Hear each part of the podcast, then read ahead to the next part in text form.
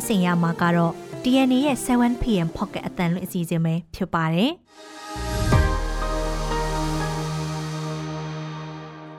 ဒီကနေ့ဇူလိုင်လ18ရက်နေ့ DNA ရဲ့ Pocket အတန်လွင့်အစီအစဉ်မှာတော့ကန့်ကောမှာတိုက်ပွဲဖြစ်လို့တိန်းရှောင်နဲ့စစ်ရှောင်အမျိုးသမီးတဦးနှလုံးရောဂါဖောက်ပြီးသေဆုံးနေဆိုတဲ့အကြောင်းအရေးပေါ်ကာလတက်တန်းတိုးဖို့လေတံဖြစ်ပြီးတဲ့နောက်ပိုင်းမှာလူမြင်ကွင်းရှိပြန်ထွက်လာရတဲ့ဦးမြင့်ဆွေဆိုတဲ့အကြောင်း အာဇာနီနေ့မှာအတွင်းဝင်ရုံတဲ့ဝင်မဲ့သူတွေကိုရေးအချက်အလက်အပြည့်အစုံပေးရမယ်ဆိုတဲ့အကြောင်းလောင်းလုံးမှာစက်ကောင်စီတပ်ဖွဲ့ဝင်တွေစီးလာတဲ့ဆက်လီနစ်မြုပ်တယ်ဆိုတဲ့အကြောင်းစတဲ့ပြည်တွင်းသတင်းတွေနဲ့ပီရာရိုစစ်တပ်ကိုဝကနာကြီးစားတပ်ဖွဲ့ဝင်တွေစတင်လေ့ကျင့်ပေးနေတယ်ဆိုတဲ့အကြောင်းရေလွှမ်းသွားတဲ့တောင်ကိုရီးယားကားလန်ဥမင်လိုင်ကောင်းတွေကနေအလောင်းတဒါစင်ကျော်ဆယ်ယူရရှိတယ်ဆိုတဲ့အကြောင်းစတဲ့နိုင်ငံတကာသတင်းတွေနဲ့အတူຫນွေဦးတွေကကြပြ ကြပြတွေကຫນွေဦးကိုနားဆင်ရမှာပါသတင်းအစီအစဉ်တွေကိုတော့ကျမနန်းခမ်းနဲ့ကိုမောင်သိန်းကတင်ဆက်ပေးမှာပါ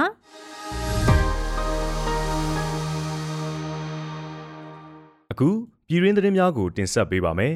ပထမအဦးဆုံးသတင်းတစ်ပုဒ်အနေနဲ့ဂန်ကောမှာတိုက်ပွဲဖြစ်လို့ဒိန်းရှောင်နဲ့စစ်ရှောင်အမျိုးသမီးတဦးနှလုံးအမောဖောက်ပြီးတိတ်ဆုံးတဲ့သတင်းကိုပြောပြပေးပါမယ်မကွေးတိုင်းဂန်ကောမြို့နယ်တောင်ခင်ရမ်းရွာတောင်ဘက်မှာ ဒေသခံကာကွယ်ရေးပူးပေါင်းတပ်ဖွဲ့တွေနဲ့တောင်ခင်ရမ်းရွာရဲစခန်းကပြူစောထီးတွေပါဝင်တဲ့စစ်ကောင်စီအဖွဲ့ဝင်တွေဇွန်လ15ရက်မနက်7:00နာရီဝန်းကျင်မှာတိုက်ပွဲဖြစ်ပွားခဲ့ပြီးစစ်ဘေးရှောင်တဲ့အမျိုးသမီးတဦးသေဆုံးခဲ့တယ်လို့ဒေသခံတွေကပြောပါတယ်။သေဆုံးသူဟာဂံကောမြို့နယ်တာလင်းရွာကအသက်30ကျော်အရွယ်အမျိုးသမီးတဦးဖြစ်ပြီးတိုက်ပွဲကြောင့်ထွက်ပြေးတိမ်းရှောင်ရာကနှလုံးအမောဖောက်သေဆုံးသွားတာလို့ဂံကောဒေသခံတဦးကပြောပါတယ်။ တာလင်းကြီးရွာဟာတောင်ခင်ရမ်းရွာရဲ့အရှိတောင်ဘက်ကက်လျက်တီရှိတာကြောင့်တောင်ခင်ရမ်းရဲစခန်းနဲ့လည်းနီးပြီးအင်ဂျီ300ကျော်ရှိတဲ့ကြီးရွာတရွာဖြစ်တယ်လို့ဒေသခံတွေစီကသိရပါဗျ။တောင်ခင်ရမ်းရဲစခန်းမှာအထိုင်ချထားတဲ့စစ်ကောင်စီအဖွဲ့ဝင်တွေနဲ့ဒေသခံကာကွယ်ရေးတပ်ဖွဲ့တွေပြီးခဲ့တဲ့မေလကတည်းကစစ်ရေးတင်းမာမှုတွေပြင်းထန်ခဲ့တာကြောင့်ကြီးရွာတွေကဒေသခံအများစုဟာမေလထဲမှာပဲကြီးရွာကိုစွန့်ခွာတင်းရှောင်ခဲ့ကြပေမဲ့တာလင်းကြီးရွာကတော့အခုတိုက်ပွဲဖြစ်တဲ့ဇွန်လ15ရက်နေ့မှတင်းရှောင်ကြတာဖြစ်ပါတယ်။ တောင်ခင်ရန်ရဲစခန်းကစစ်ကောင်စီအဖွဲ့ဝင်တွေနဲ့ဒေသခံကာကွယ်ရေးတပ်ဖွဲ့ဝင်တွေဇွန်လ15ရက်မနက်ပိုင်းမှာတိုက်ပွဲဖြစ်ပွားခဲ့ပြီးဂံကောခရိုင်တပ်ရင်းတစ်ကအတီးပြုတ်ပေမဲ့နှစ်ဖက်ထိခိုက်မှုအခြေအနေအသေးစိတ်ကိုတော့မသိရသေးပါဘူး။ဒေသခံကာကွယ်ရေးတပ်ဖွဲ့တွေနဲ့တောင်ခင်ရန်ရဲစခန်းကစစ်ကောင်စီအဖွဲ့ဝင်တွေစစ်ရေးတင်းမာနေတာကြောင့်တာလင်းရွာကပြည်သူတွေဟာဒီကနေ့အထိတင်းရှောင်နေကြရဆဲဖြစ်တယ်လို့သိရပါဗျ။ ဆက်လက်ပြီးပြောပြချင်တဲ့အကြောင်းကတော့အရေးပေါ်ကာလတက်တန်းတိုးဖို့လေတံဖြစ်ပြီးတဲ့နောက်လူမြင်ကွင်းရှိပြန်ထွက်လာရတဲ့ဦးမြင့်ဆွေဆိုတဲ့အကြောင်းပါ။ယာယီတမ်တာလိုနာမည်တက်ခံထားရပြီး2021ခုနှစ်အာနာသိမ့်မှုဆက်လမ်းမှာစစ်ဗိုလ်ချုပ်ဟောင်းဦးမြင့်ဆွေဟာစကောင်းဆောင်မဲအောင်လိုင်းစီအာနာလွဲပေးခဲ့တဲ့အတိကစက်ကောင်နေရာကပါဝင်ပါတယ်။အာနာသိမ့်ပြီးတဲ့နောက်ပိုင်းမှာသူ့အနေနဲ့လူရှိထွက်ရတဲ့အချိန်တိတ်များများဆဆမရှိလာပါဘူး စစ်ကောင်စီရဲ့အစည်းအဝေးတချို့မှာသူပါဝင်တက်ရောက်ရတယ်ဆိုရင်တော့မင်းအောင်လှိုင်ရဲ့လက်အောက်ငယ်သားတယောက်သားသားနေရာမျိုးမှာပဲတွေ့ရလိမ့်ရှိပါတယ်။ဒါပေမဲ့ဦးမြင့်ဆွေတယောက်ယာယီတမ်တာဆိုပြီးဇပွဲဝိုင်းရဲ့ထိတ်ဆုံးမှာခန့်ခန့်ညာညာနေရာယူခွင့်ရတဲ့အချိန်တချို့လည်းရှိပါတယ်။အဲ့ဒါကတော့အရေးပေါ်ကာလတက်တန်းတိုးဖို့အတွက်ကာလုံအစည်းအဝေးခေါ်တဲ့ဆိုတဲ့အချိန်တွေပါ။အာနာစသိန်းချိန်ကနှစ်နှစ်အတွင်းအာနာပြန်အပ်မယ်လို့အချိန်ချင်းအတိအလင်းပြောခဲ့ပေမဲ့ စစ်အုပ်စုဟာ2008အခြေခံဥပဒေထဲကတမန်အားဖြင့်ဆိုတဲ့စကားလုံးကိုအသုံးပြုပြီးတက်တန်းထက်တိုးယူထားတာပါအဲ့ဒီလိုထက်တိုးယူထားတဲ့အရေးပေါ်ကာလတက်တန်း6လဟာတီလာကုံမှာကုံဆုံးတော့မှာဖြစ်လို့နောက်တစ်ကြိမ်6လတက်တန်းထက်တိုးဖို့လဲစကောင်းဆောင်မဲအွန်လိုင်းကကြိုတင်စကားလမ်းကြောင်းထားပြီးပါပြီဒီလိုအရေးပေါ်ကာလတက်တန်းတိုးဖို့နီးကပ်လာတဲ့အချိန်မှာစက်ကောင်စီကဥမြင့်ဆွေကိုယာယီတမ်တအဖြစ်နဲ့ရုပ်လုံးထုတ်ပြလာပါတယ် နေပြည်တော်မှာမဲအောင်လိုင်းဦးဆောင်တည်ထားတဲ့ဗုဒ္ဓရုပ်ပွားတော်တိဆောက်ရေးလုပ်ငန်းအခြေအနေကိုတမ်ရဟောင်းဦးသိန်းစိန်ဦးမြင့်ဆွေတို့အပါအဝင်အငိမ့်စားစက်ပိုချုပ်တွေမနစ်ကလာရောက်လေ့လာခဲ့ကြတယ်လို့စစ်ကောင်စီထိန်းချုပ်ထားတဲ့နိုင်ငံပိုင်မီဒီယာတွေကဖော်ပြထားကြပါတယ်။အဲ့ဒီစစ်ဗိုလ်ချုပ်ဟောင်းတွေကိုစစ်ကောင်းဆောင်မင်းအောင်လိုင်းကိုတိုင်ဧည့်ခံကြိုးဆိုပြီးရှင်းပြခဲ့တယ်လို့ဆိုပါတယ်။ ဘာပဲဖြစ်ဖြစ်အဲ့ဒီဖြစ်ရက်ကိုအကြောင်းပြပြီးမမြင်ရတာကြားပြီးဖြစ်တဲ့ယာယီတမ်တဆိုတဲ့သူကိုလူလူအနေနဲ့ပြန်တွေ့ခွင့်ရလိုက်ကြပါတယ်။ဆက်လက်ပြီးနောက်ထပ်သတင်းတစ်ပုဒ်အနေနဲ့အာဇာနည်ဗိမ္မာန်နဲ့အတွင်းဝင်ရုံးကိုလာမဲ့သူတွေကိုရေးအချက်လက်အပြည့်စုံပေးရမယ့်သတင်းကိုပြောပြပေးပါမယ်။အခုလ19ရက်နေ့မှာကြာရောက်မဲ့အာဇာနည်နေ့မှာအာဇာနည်ဗိမ္မာန်နဲ့အတွင်းဝင်ရုံးနဲ့လာရောက်သူတွေအနေနဲ့ကိုရေးအချက်လက်အပြည့်စုံပေးပြီးမှဝင်ခွင့်ရမှာဖြစ်တယ်လို့စစ်ကောင်စီကနိုင်ငံပိုင်မီဒီယာတွေကနေအသိပေးဖော်ပြပါဗျ။ အာအာဇာနည်ခေါင်းဆောင်တွေကိုတတိတရဥညွတ်ဂုံပြုဖို့အတွက်လာရောက်လေ့လာကြမဲ့သူတွေအနေနဲ့အမည်နေရက်လိပ်စာမှတ်ပုံတင်နံပါတ်ဖုန်းနံပါတ်တွေဖြည့်သွင်းပေးရမှာဖြစ်တယ်လို့အချက်အလက်စီစစ်နိုင်တဲ့တပ်တေကန်ကပ်ပြားတစ်ခုခုကိုလည်းယူသွားကြရမှာပါ။ဒါအပြင်ဘောပင်လက်ကင်ဖုန်းအလံတွေလက်ကင်အိတ်ကင်မရာမီးချစ်ပန်းခွေပန်းစီပန်းချင်းတွေဗနိုင်းစတာတွေပလင်းနဲ့ဘူးတွေအလံကင်ဆောင်ရမှာအသုံးပြုတဲ့ဒုံနဲ့ကော်ပိုက် တန်ပိုက်တွေယူလာရင်အဲ့ဒီယုံနဲ့ဝင်ခွင့်ရမှာမဟုတ်ဘူးလို့လည်းစက်ကောင်စီကတားမြစ်ထားပါတယ်။အာဇာနည်ဗိမ္မာန်ကိုလာရောက်အလေးပြုကြရမှာလဲအလားတူကန့်သက်တားမြစ်ချက်တွေသတ်မှတ်ချက်တွေကိုလိုက်နာရမှာဖြစ်တယ်လို့ဆိုထားပါတယ်။ဒါအပြင်အာဇာနည်ဗိမ္မာန်နဲ့အတွင်းဝင်ယုံတို့ကိုလာမဲ့သူတွေအနေနဲ့ drone တွေယူလာတာလွတ်တင်တာမျိုးတွေကိုလည်းခွင့်ပြုမှာမဟုတ်ဘူးလို့အသိပေးထားပါတယ်။ကိုဗစ်ကပ်ရောဂါဆိုင်ရာသတ်မှတ်ချက်တွေကိုလိုက်နာဖို့လည်းအသိပေးဖော်ပြထားတာတွေတွေ့ရပါတယ်။ ပြီးခဲ့တဲ့ရသအစိုးရလက်ထက်တွေအတွင်းအာဇာနည်နေ့အခမ်းအနားတွေဟာနိုင်ငံတော်ဝန်လူလူတွေပူးပေါင်းပါဝင်မှုနဲ့စီကားခဲ့ပေမဲ့အာဏာသိမ်းပြီးနောက်မှာတော့အဲ့ဒီလိုစီကားမှုအခြေအနေမျိုးတွေမတွေ့ရတော့ပါဘူး။နောက်ဆုံးသတင်းတစ်ပုဒ်အနေနဲ့လောင်းလုံးမှာစစ်ကောင်စီတပ်ဖွဲ့ဝင်တွေစီးလာတဲ့ဆက်လီနစ်မြုပ်တဲ့သတင်းကိုပြောပြပေးပါမယ်။တနင်္သာရီတိုင်းလောင်းလုံးမြို့နယ်အတွင်းမှာဇွန်လ16ရက်မနေ့ညကစစ်ကောင်စီတပ်ဖွဲ့ဝင်တွေစီးလာတဲ့ဆက်လီတစည်းဟာတဝဲမြစ်အတွင်းတိမ်းမှောက်ခဲ့တယ်လို့တော်လန်ရေးအဖွဲ့တွေနဲ့ဒေသခံတွေကပြောကြပါဗျ။ အဲ့ဒီဆက်လီနင်းမြုပ်မှုအတွင်းစစ်ကောင်စီတပ်ဖွဲ့ဝင်တွေတေဆုံးတာတွေရှိတယ်လို့ဒေသခံတွေကပြောကြပေမဲ့ DNA အနေနဲ့တိကျအတည်မပြုနိုင်သေးပါဘူးစစ်ကောင်စီတပ်သားတွေ30လောက်တင်ဆောင်လာတဲ့အဲ့ဒီဆက်လီဟာတဝယ်မြစ်အတွင်းတကြက်တော်ကြေးရွာနဲ့ကြောက်နီမော်ကြေးရွာကြားအခုလိုနင်းမြုပ်ခဲ့တာဖြစ်ပြီးအဲ့ဒီဆက်လီဟာဇွန်လ16ရက်နေ့ညနေပိုင်းမှာတကြက်တော်ရွာကနေထွက်သွားတဲ့လှေဖြစ်နိုင်တယ်လို့ဒေသခံတွေကပြောပါတယ်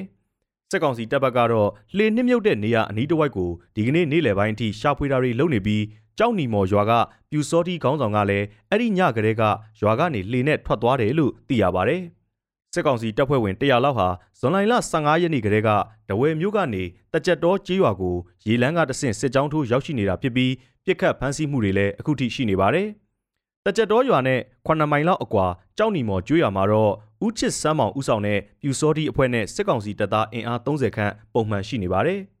ဒါအပြင်အဲ့ဒီကြောက်နီမော်ကြေးရွာကိုရေလန်းချောင်းကနေသွာလာနေတဲ့စစ်ကောင်စီတပ်ဖွဲ့ဝင်တွေမကြာခဏအဝင်ထွက်ရှိပြီးအနီးနားရွာတွေကိုလည်းအဲ့ဒီရွာကနေတဆင့်စစ်ကြောင်းထိုးတာတွေလုပ်လေ့ရှိပါတယ်။ပြီးခဲ့တဲ့မတ်လအတွင်းကပဲညောပြင်ကြေးရွာနဲ့ အောက်ကျောက်ဝက်ကြေးရွာတွေကိုအဲ့ဒီကြောက်နီမော်ရွာကတက်ဆွဲထားတဲ့စစ်ကောင်စီလက်အောက်ခံတပ်ဖွဲ့ဝင်တွေနဲ့ရေလန်းကလာတဲ့စစ်ကောင်စီတပ်ဖွဲ့ဝင်နှစ်ကြိမ်ဝင်ရောက်ပြီးနေအိမ်150ကျော်ကိုမိရှို့ခဲ့တဲ့အပြင်ရွာကန်အမျိုးသား6ဦးကိုပါပြစ်တက်ခဲ့တယ်လို့ဒေသခံ9000နီးပါးနေရက်မပြန်ရဲသေးပဲအခုချိန်ထိရွာလုံးကျွတ်တင်းရှောင်နေကြရဆဲဖြစ်ပါတယ်။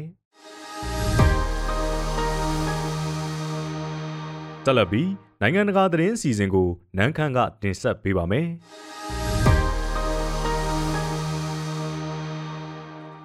မအောင်မြင်ခဲ့တဲ့ပုံကံမှုအပြီးတကွဲတပြားစီဖြစ်သွားတဲ့ရုရှားကြီးစားတပ်ဝဂနာရဲ့အဖွဲ့သားတချို့ဟာပီရာရုစစ်တပ်မှတနမ်းမှုတွေအဖြစ်စတင်တာဝန်ယူနေပြီလို့သိရပါဗျ။ပြီးခဲ့တဲ့လကဝဂနာရဲ့ခေါင်းဆောင်ယက်ဂျီနီပရီကော့ဆင်ဟာသူ့တပ်ဖွဲ့ဝင်တွေနဲ့အတူမော်စကိုမြို့တော်စီချီတက်ခဲ့ပြီးရုရှားစစ်ဦးစီးတွေကိုဖျောက်ချမယ်ဆိုတဲ့ကြွေးကြော်တန်တဲ့အတူပုံကံမှုတစ်ခုကိုအကောင့်အထည်ဖော်ခဲ့ပါတယ်။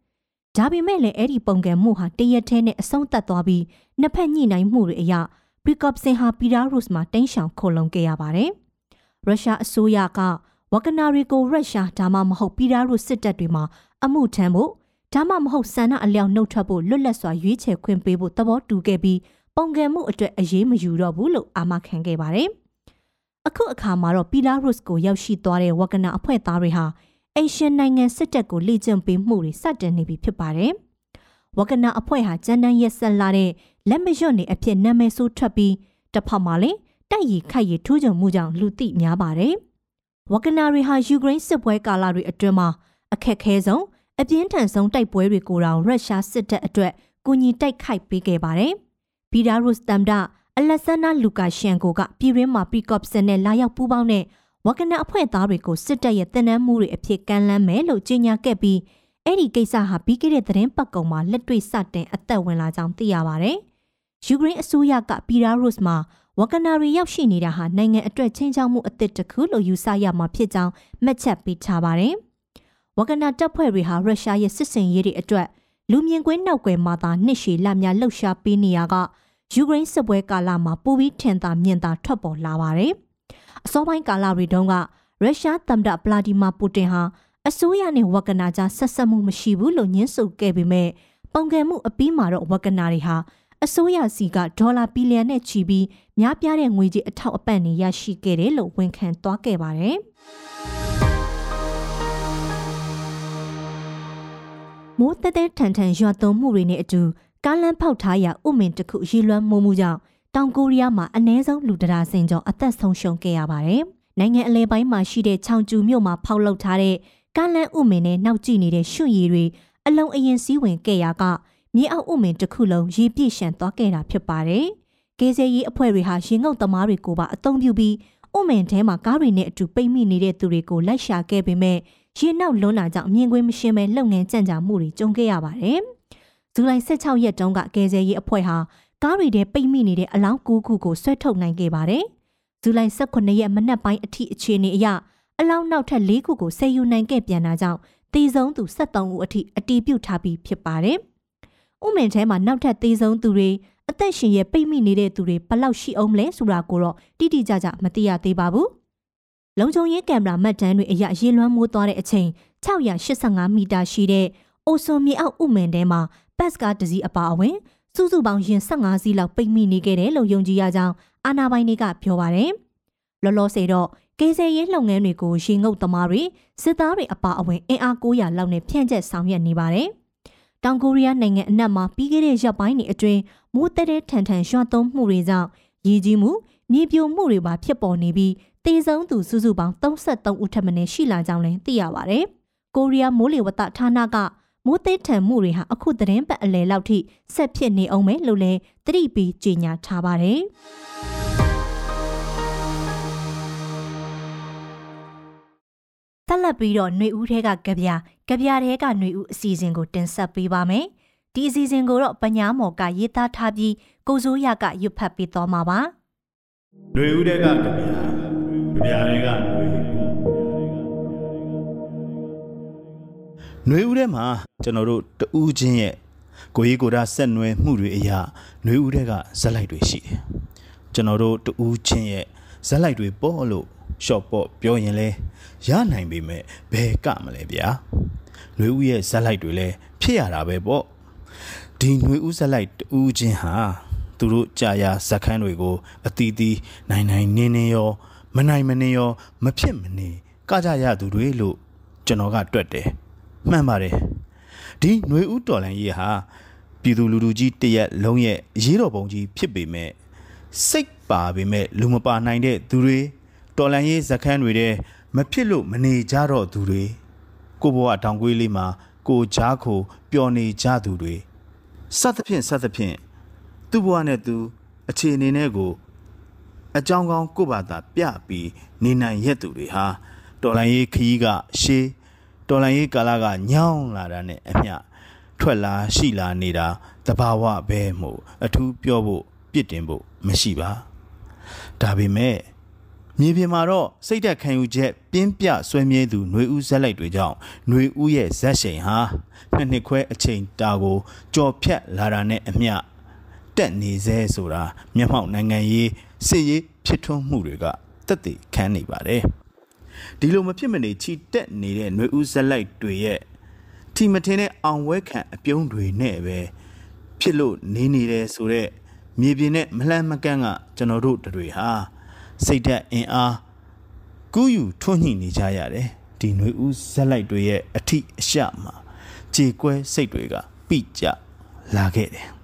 တကယ်တမ်းတော့တူးချင်းဇက်လိုက်တွေအတွက်တင်တာမကຫນွေဦးတွေကຫນွေဦးဇက်လိုက်မှန်သမျှရဲ့ဇက်ခန်းမှာကျွန်တော်တို့ရဲ့နှလုံးစိတ်ဝမ်းကိုအနှံထားခဲ့ကြရတာ2021 February ရက်ဆိုးများကစလို့ဒီကာလတလျားလုံးလို့ဆိုရပါလိမ့်မယ် တကယ်တမ်းကဒီຫນွေဦးရဲ့အလုံးစုံဇက်ခန်းကြီးဟာကျွန်တော်တို့နိုင်ငံရဲ့ဇက်ခန်းကြီး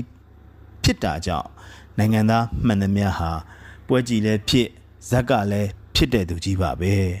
ဟီးရိုးမဟုတ်ရင်ဘီလိန်ပါပဲရှောင်လို့မလွတ်နိုင်ကြပါဘူးဂျားနေမရှိတန်ကောင်းတဲ့ဇလန်ဖြစ်တာကြောင့်သင်ဟာဘီလိန်အစ်စ်မဟုတ်ရင်ဘီလိန်ရဲ့ထောက်တိုင်လားအရေးတော်ပုံရဲ့အသားတွေကထွက်သွားတဲ့လောက်ကောင်လား ရန်သူကိုသတင်းအချက်လက်တွေကဲ့ထုတ်ပေးနေတဲ့ဒလန်လားဒီလိုပဲတစ်ဖက်မှာလည်းဟီးရိုးအစ်စ်မဟုတ်ရင် ထောက်ပံ့သူလားဝင်းရံသူလား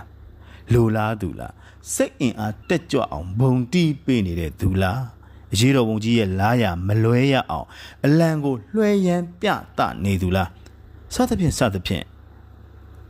ဆိုခဲ့သလိုတူးချင်းရဲ့ပုဂ္ဂလိကဇက်လိုက်တွေဟာလည်းຫນွေဥရဲ့ဇက်လိုက်တွေဖြစ်ပြီးအဲ့ဒါလိုတူးချင်းရဲ့ကိုရေးကိုရာဆက်နွယ်မှုတွေအရာຫນွေဥတွေကဇက်လိုက်တွေရဲ့ပုံမြင်ဇက်ခန်းတွေကိုကြပြဆရာတွေကသူ့စိတ်ခံစားရမှုအရင်ခံပြီးရေးဖွဲ့တဲ့ကြပြတွေကိုလည်းຫນွေဥထဲမှာဖတ်နိုင်ပါတယ်ကြပြဆရာမိုးသက်ငိန်ဦးကသူ့ရဲ့တကိုယ်တော်ဇက်လိုက်ဖြစ်ပုံရတဲ့ပြုံးချိုကိုအပြုံးတွေချိုနေပြီလားပြုံးချိုဆိုပြီး ဘုံမခမဂဇင်းထဲမှာကြပြတစ်ပုတ်ရေးပါတယ်ကြပြဆိုတာထိုးဆက်လည်းဖြစ်နိုင်ဆရာမင်းသူဝင်ရဲ့ဖိုးမောင်လာပြီတဲ့ကဖိုးမောင်လို့ရေဘူးရပြုတ်အပ်ရာစံပြဇက်ဆောင်ရဲ့ဇလန်းလည်းဖြစ်နိုင်ပေမဲ့ဒီကြပြကိုတော့အသွားနဲ့လေတံအရာကြပြဆရာရဲ့ပုဂ္ဂလိကဘဝတဲကတကယ်ဇက်လိုက်လို့ကြပြဖတ်ရင်ကြပြအောက်ခြေမှတ်စုကိုဖတ်ရင်သိရပါတယ်ဒီလိုຫນွေဥဇက်လိုက်တွေကိုဟိုမာဒီမာ ကျွန်တော်တို့ຫນွေဥကြပြတွေတဲကဖတ်နေတွေ့နေရတယ်ဖတ်ခဲ့တဲ့မြຫນွေဥဇက်လိုက်တွေထဲမှာသူ့မာရန်ကြပြတဲကလိုအာနာခဲ့ချောင်းပြောပါလေဆိုပြီးတော်လန်ရေးလမ်းခုလက်မှာထွက်ခွာသွားလေသူများကိုလည်းတွေ့နိုင်မှာဖြစ်ပေမဲ့ဒီຫນွေဥဇက်လိုက်တွေရဲ့အောင်ပွဲခံအပြုံးနဲ့ပြည်တော်ဝင်မဲ့နေ့အဲ့ဒီတနေ့ကိုကျွန်တော်တို့မလွဲမသွေစောင့်ကြိုကြရမှာပဲဖြစ်ပါတယ် အပြုံးတွေချိုနေပြီလားပြုံးချိုမင်းကပြစ်တိုင်းတောင်ပဲဘလောက်လဲကြနေပါစေပြန်လဲထူထောင်နိုင်တယ်မင်းကပြုံးချိုပဲဘလောက်ငိုကြွေးရပါစေအပြုံးချိုနိုင်တယ်ຫນွေဦးရဲ့အရေးတွေအမောင်ဖုံးတဲ့နေတွေ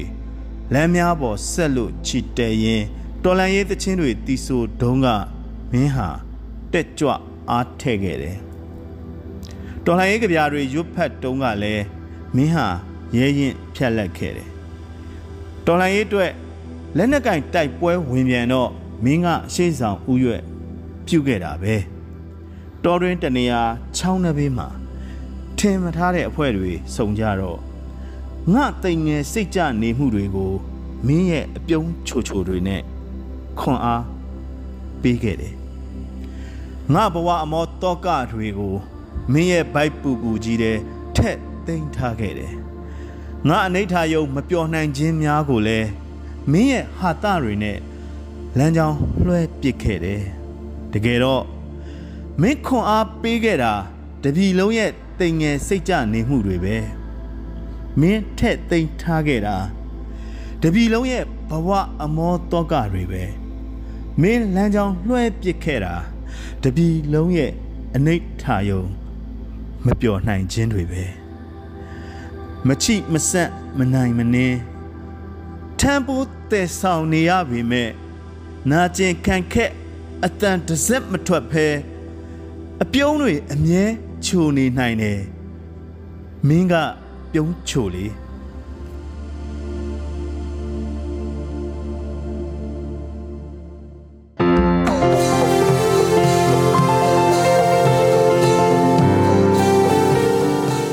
DNA ရဲ့ Pocket အတန်ရင်းအစီအစဉ်ကိုအပတ်စဉ်တနင်္လာနေ့ကနေတောက်ကြနေ့အထိည9:00နာရီတိုင်းမှာတင်ဆက်ပေးသွားမှာပဲဖြစ်ပါတယ်။ဒီအစီအစဉ်ကိုတော့ DNA ရဲ့ Facebook Page ကနေအပြင် Anchor, Spotify နဲ့ Google Pocket တို့တွေကနေတဆင့်လဲနားဆင်နိုင်ပါတယ်ရှင်။